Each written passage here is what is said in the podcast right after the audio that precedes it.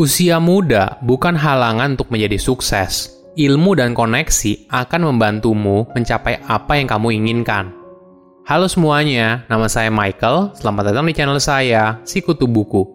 Kali ini saya akan bahas kisah inspiratif dari Timothy Ronald yang mendapatkan satu miliar pertamanya ketika berusia 20 tahun melalui pasar modal. Sebelum kita mulai, buat kalian yang mau support channel ini agar terus berkarya, caranya gampang banget Kalian cukup klik subscribe dan nyalakan loncengnya. Dukungan kalian membantu banget supaya kita bisa rutin posting dan bersama-sama belajar di channel ini. Bagi yang belum kenal Timothy Ronald, dia boleh dibilang merupakan financial influencer yang terkenal di TikTok. Timothy pun tidak langsung pertama kali terjun ke dunia pasar modal. Awalnya dia mulai dengan berbisnis dulu, baru kemudian belajar lebih dalam soal saham. Oke, kita simak ya kisahnya. Timothy mengaku kalau sejak kecil dia adalah anak yang cukup nakal. Orang tuanya sering kali dipanggil ke sekolah akibat kelakuannya. Namun ketika kecil, dia punya kebiasaan yang cukup unik. Timothy suka sekali membaca komik tentang tokoh dunia, seperti Bill Gates, Warren Buffett, Endo Ferrari, dan sebagainya. Bahkan setiap kali pulang sekolah, dia langsung membaca komik tersebut. Tidak jarang juga, beberapa komik dibaca berulang kali. Kisah para tokoh dunia menginspirasi Timothy dan membuatnya bertanya-tanya kenapa orang tersebut bisa sukses.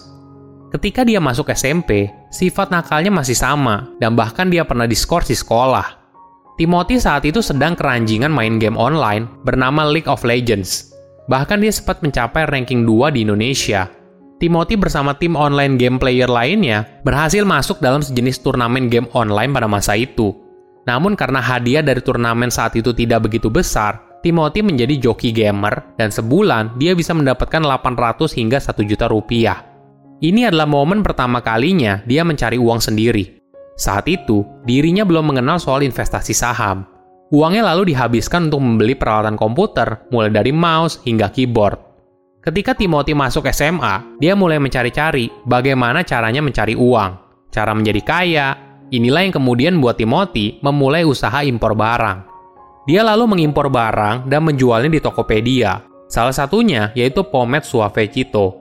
Usahanya pun lalu ramai, namun di sisi lain, tiba-tiba saja rumahnya didatangi oleh petugas yang bawa surat kalau produk yang dijual tidak memiliki izin BPOM. Hal ini merupakan pelajaran bagi Timothy bahwa bisnis itu harus punya izin. Perjalanan bisnisnya pun berlanjut. Dia pun lalu berjualan banyak barang impor, misalnya seperti sedotan stainless boba, dan sebagainya. Kenakalan Timothy berlanjut hingga kuliah. Waktu itu, dia sering kali bolos saat seminar di kampus. Suatu hari, ketika mau bolos seminar, Timothy ketahuan dan dipaksa oleh dosennya untuk duduk di bangku paling depan. Waktu itu seminar yang dibahas adalah soal startup. Karena dia terpaksa harus mendengar seminar itu sampai habis, Timothy lalu bertanya kepada pembicara beberapa hal soal startup karena sebelumnya dia sudah punya pengalaman berbisnis. Pembicaraan ini lalu berlanjut di luar acara. Timothy pun memberikan beberapa saran pengembangan media sosial kepada pembicara tersebut. Hal ini lalu memantik minat dari pembicara itu yang akhirnya menjadi mentor pertama Timothy. Dia pun lalu direkrut untuk bekerja sebagai marketing eksekutif di perusahaan tersebut. Namun karena kinerjanya yang bagus, beberapa klien malah tertarik dengan Timothy secara langsung. Akhirnya, Timothy pun keluar dan membuka agensi sendiri. Saat itu, dia sudah punya penghasilan 20 hingga 30 juta sebulan saat masih kuliah. Hingga akhirnya, dia bisa mendapat 100 juta pertamanya saat berusia 19 tahun. Selain berbisnis, Timothy juga mulai mendalami pasar keuangan sejak usianya 15 tahun. Waktu itu dia mulai terjun ke dalam dunia aset kripto dan mata uang forex. Setahun berikutnya, Timothy baru mulai masuk ke pasar modal. Dia masih ingat saham pertama yang dia beli, yaitu BBCA. Saat itu ketika harganya baru naik sedikit, langsung buru-buru dijual. Timothy mengakui saat itu dia masih kurang ilmu, sehingga belum memahami pasar modal. Dia pun lalu mempelajari saham secara mendalam. Timothy menggunakan dana yang berasal dari keuntungan bisnis, kemudian diinvestasikan ke pasar modal. Inilah yang membuat portofolio sahamnya bisa besar dan untung ratusan juta dari pasar modal. Hingga akhirnya, dia bisa mendapatkan satu miliar pertamanya di umur 20 tahun. Saat ini, selain aktif memberikan edukasi soal saham di akun sosial medianya, Timothy juga sedang merintis platform edukasi finansial bernama Ternak Uang. Dia punya cita-cita untuk mencetak 10 juta investor baru di Indonesia. Ada beberapa hal yang menjadi kunci sukses Timothy. Pertama, jangan takut gagal. Ini merupakan mindset dirinya saat membuka usaha sejak usianya masih sangat muda. Bagi dia, gagal itu urusan nanti. Yang paling penting adalah coba dulu aja. Pikirannya sesederhana, yang penting bisa makan dan tidur, maka dia punya peluang untuk mengejar mimpi yang dia inginkan dalam hidup. Kedua, jangan fokus pada modal berupa uang. Dalam berbisnis, Timothy bercerita kalau dirinya juga tidak berasal dari keluarga kaya raya dan punya koneksi yang luas. Waktu awal berbisnis, dia hanya diberikan modal 300 ribu rupiah dan uang tersebut digunakan untuk beli pomet, lalu kemudian dijual kembali. Modal lainnya yaitu ketika dia membuka akun saham. Ibunya memberikan dia modal 2 juta rupiah. Selain itu, Timothy berusaha sendiri untuk bisa sampai ke titik sekarang. Itulah mengapa dia menekankan pentingnya ilmu dan koneksi daripada uang. Ketiga, mindset soal uang. Mungkin bagi sebagian orang, uang adalah alat tukar, tapi bagi Timothy, uang adalah hasil dari penciptaan nilai. Semakin besar nilai yang kita berikan, maka begitu juga dengan uang yang didapat. Keempat, pentingnya pengetahuan soal investasi. Ketika berhasil mengumpulkan satu miliar pertamanya, Timothy sadar kalau pendapatan sebesar apa pun tidak ada artinya apabila dia tidak mengerti caranya investasi atau menyimpan uangnya. Dia mencontohkan petinju dunia Mike Tyson yang pernah bangkrut pada tahun 2003. Saat itu, Mike kehilangan seluruh uangnya dan dalam kondisi berhutang sebesar 23 juta dolar. Padahal di puncak karirnya, Mike bisa menghasilkan 300 juta dolar. Timothy mencontohkan bagaimana dia mengelola uangnya sendiri.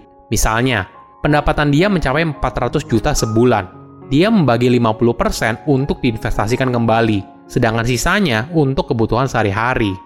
Kebiasaan ini telah dia lakukan saat pendapatannya masih kecil. Nantinya, hal ini akan membantu kita di masa depan. Timothy mencontohkan, kalau dirinya pribadi selalu menyisikan pendapatan untuk dimasukkan ke dalam rekening saham.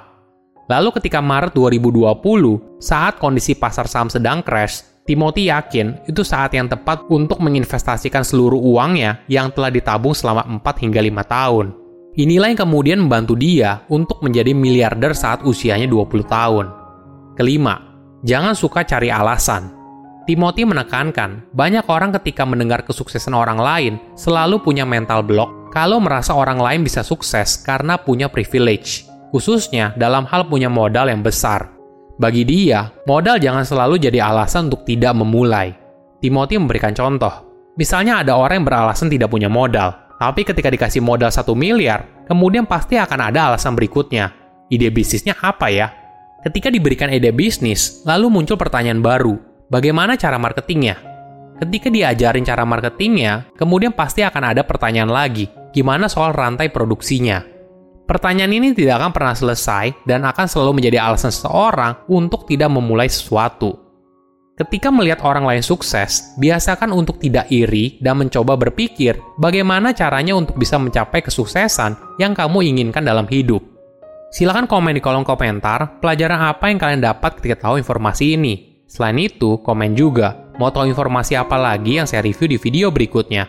Saya undur diri, jangan lupa subscribe channel YouTube Sikutu Buku. Bye bye.